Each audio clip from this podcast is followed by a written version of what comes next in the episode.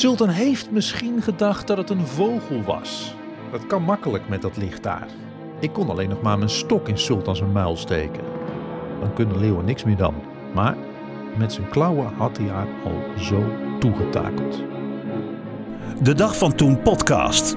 Geschiedenis uit Zuid-Holland. Met Dave Datema.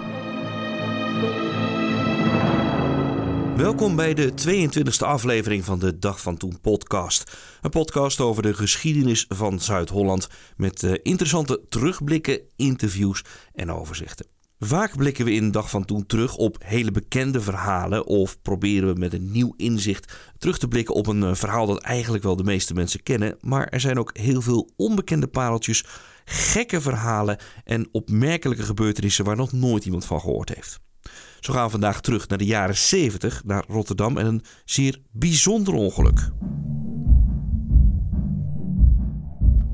Je hebt ongelukken die enorm tot de verbeelding spreken. Gebeurtenissen die zo in een horrorfilm kunnen voorkomen.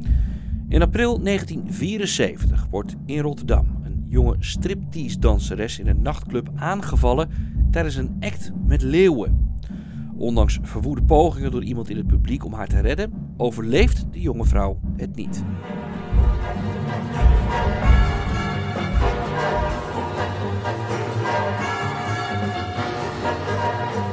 De datum is 25 april 1974. In de nacht van woensdag op donderdag wordt in de Rotterdamse nachtclub L'Ambassadeur op de Schravendijkwal een bijzondere act opgevoerd. Midden in de nachtclub staat een kooi met een leeuw erin. Een handjevol bezoekers kijkt toe. In de kooi staan ook twee mensen.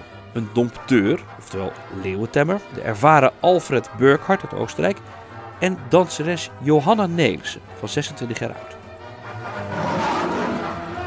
De muziek speelt, Burkhardt is bezig met de leeuwen, terwijl Johanna in haar nieuwe outfit dansbewegingen maakt. En dan gaat het mis. Het was gebeurd voor ik er erg in had. In een paar seconden. En toen ineens gebeurde het. Hij sloeg zijn klauw uit. Waarschijnlijk naar haar sluier, die nog niet helemaal stil hing. Dat zegt dompteur Alfred Burkhardt in het Vrije Volk. Sultan heeft misschien gedacht dat het een vogel was. Dat kan makkelijk met dat licht daar. Een vogel, ja. Wie zal het zeggen? Ik hou het op een reflexbeweging. Ik kon alleen nog maar mijn stok in Sultan zijn muil steken. Dan kunnen leeuwen niks meer dan. Maar met zijn klauwen had hij haar al zo toegetakeld. Er gaat een schok door het publiek. Veel mensen rennen weg. Met uitzondering van één man. Een 31-jarige man met de naam Aad van Meteren. Hij komt wel in actie. Je handelt instinctief. Het enige wat ik dacht was, die griet moet eruit. Er zit een luik in de kooi. Van Meteren rent erop af en probeert dat luik open te krijgen. In totaal heb ik die kooi drie keer opengetrokken. De eerste keer kon ik niks doen. De tweede keer had ik haar bij haar enkel, maar toen kreeg ze van die leeuw weer een verschrikkelijke klapbabber. Wat je dan doet, dat doe je niet bewust hoor. Ik dacht alleen maar, hij bijt haar verrot. Toen probeerde ik het nog een keer, toen die dompteur die leeuw met die stok op zijn donder gaf. Achteraf kun je zeggen dat het een kwestie van goede timing was. Toen ben ik dus de kooi ingestapt, heb haar bij de enkels gepakt en naar buiten gesleept. Ik geloof zelfs dat ik die leeuw nog een oplawaai op zijn klauwen heb verkocht. Twee andere bezoekers raken gewond omdat ze te dicht langs de kooi liepen. Leeuw Sultan slaagde erin om met zijn poot door de spijlen van de kooi te komen en de twee bezoekers te raken. Volgens de aanwezigen heeft de vrouw daarna nog een uur bloedend in de nachtclub gelegen. Na een uur was er nog altijd geen ambulance. Gasten die hals over kop zijn weggegaan, hebben alle taxis genomen die voor de deur stonden. Uiteindelijk wordt de vrouw met een gewone auto naar het ziekenhuis gebracht om de hoek. We hadden geen vijf minuten later geweest moeten zijn, zegt taxichauffeur Leender Boer in een parool. Anders was het te laat geweest.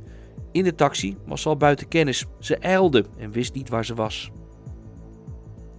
Ondertussen staat Alfred Burkhardt nog steeds in de leeuwenkooi met op dat moment twee nogal opstandige leeuwen. Iedereen was naar buiten. Er was niemand meer in de zaak. Vier uur lang heb ik toen geprobeerd Sultan weer van zijn plaats te krijgen. Hij bleef maar zitten op de glimmende sluier, alsof het een prooi was. Een aanbod van een medewerker van Blijdorp om de leeuw te verdoven slaat Burkhardt af, zegt hij in het Vrije Volk. 300 kilo, hoe moet je dat in godsnaam in de wagen krijgen? Niemand wilde helpen sjouwen. Tot 8 uur 's ochtends heb ik gewacht. Toen ging Sultan uit zichzelf ergens anders zitten. En met enige moeite heb ik hem toen met mijn stok bij negus in de kooi gekregen. Wat ging er nou eigenlijk mis daar in die nachtclub in Rotterdam? Blijkbaar had de leeuw de kleding van danseres Johanna aangezien als prooi.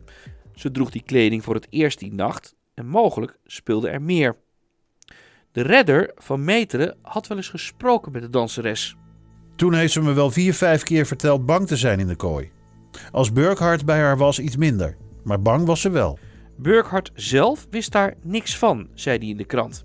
Dat had ze dan wel eerder mogen zeggen. Als je bang bent in de kooi, voelt zo'n beest dat onmiddellijk. Misschien heeft Sultan daar iets van gemerkt. Maar wat doe je tegen een leeuw die losgeslagen is? Leeuwen zijn zo enorm sterk, zegt Burkhardt. Wat voor een mens een fatale uithaal is met een klauw, is voor een leeuw soms iets meer dan spelen. Ik heb gisteravond ook een paar klappen gehad. Op mijn armen en benen ben ik bont en blauw. Nee, geen wonden. Dat komt omdat Sultan zijn nagels alweer had ingetrokken. Anders was mijn arm er misschien wel af geweest.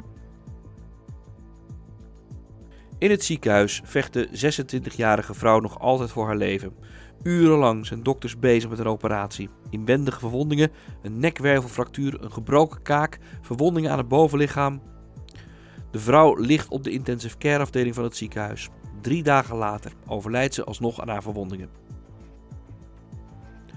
Wat gebeurt er verder? De politie gaat al vrij snel uit van een noodlottig ongeluk. Zowel de nachtclub als de dompteur voldoen aan alle vergunningen en er lijken geen regels te zijn overtreden. De twee leeuwen worden tijdelijk ondergebracht op een campingterrein van de gemeente Rotterdam. Het dier afschieten? Nee, daar denkt Burkhardt niet aan. Het blijft een roofdier. Hij vergeet misschien snel.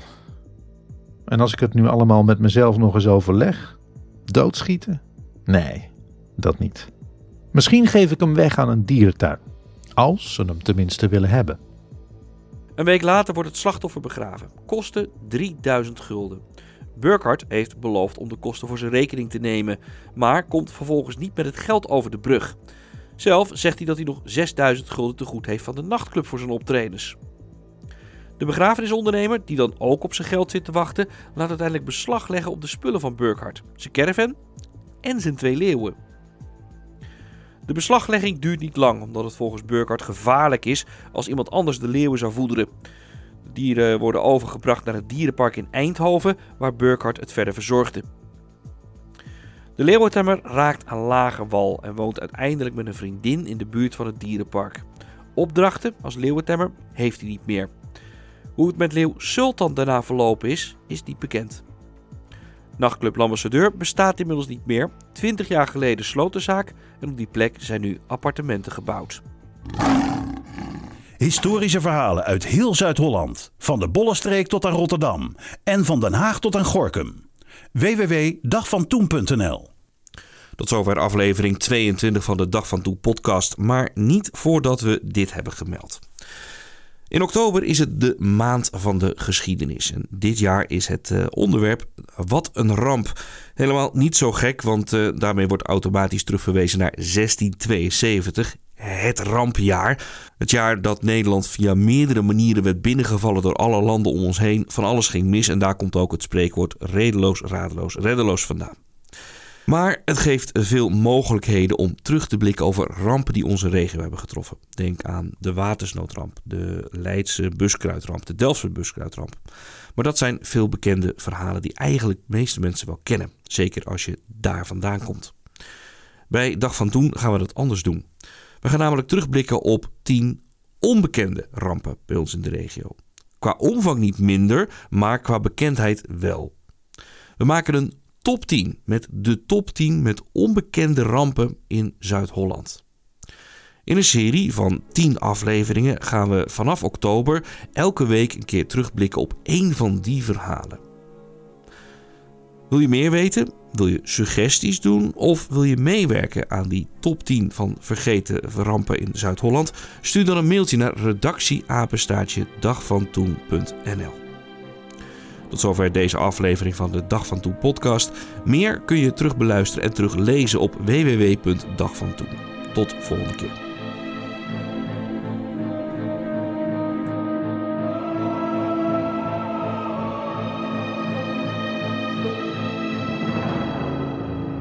Dag van Toen podcast.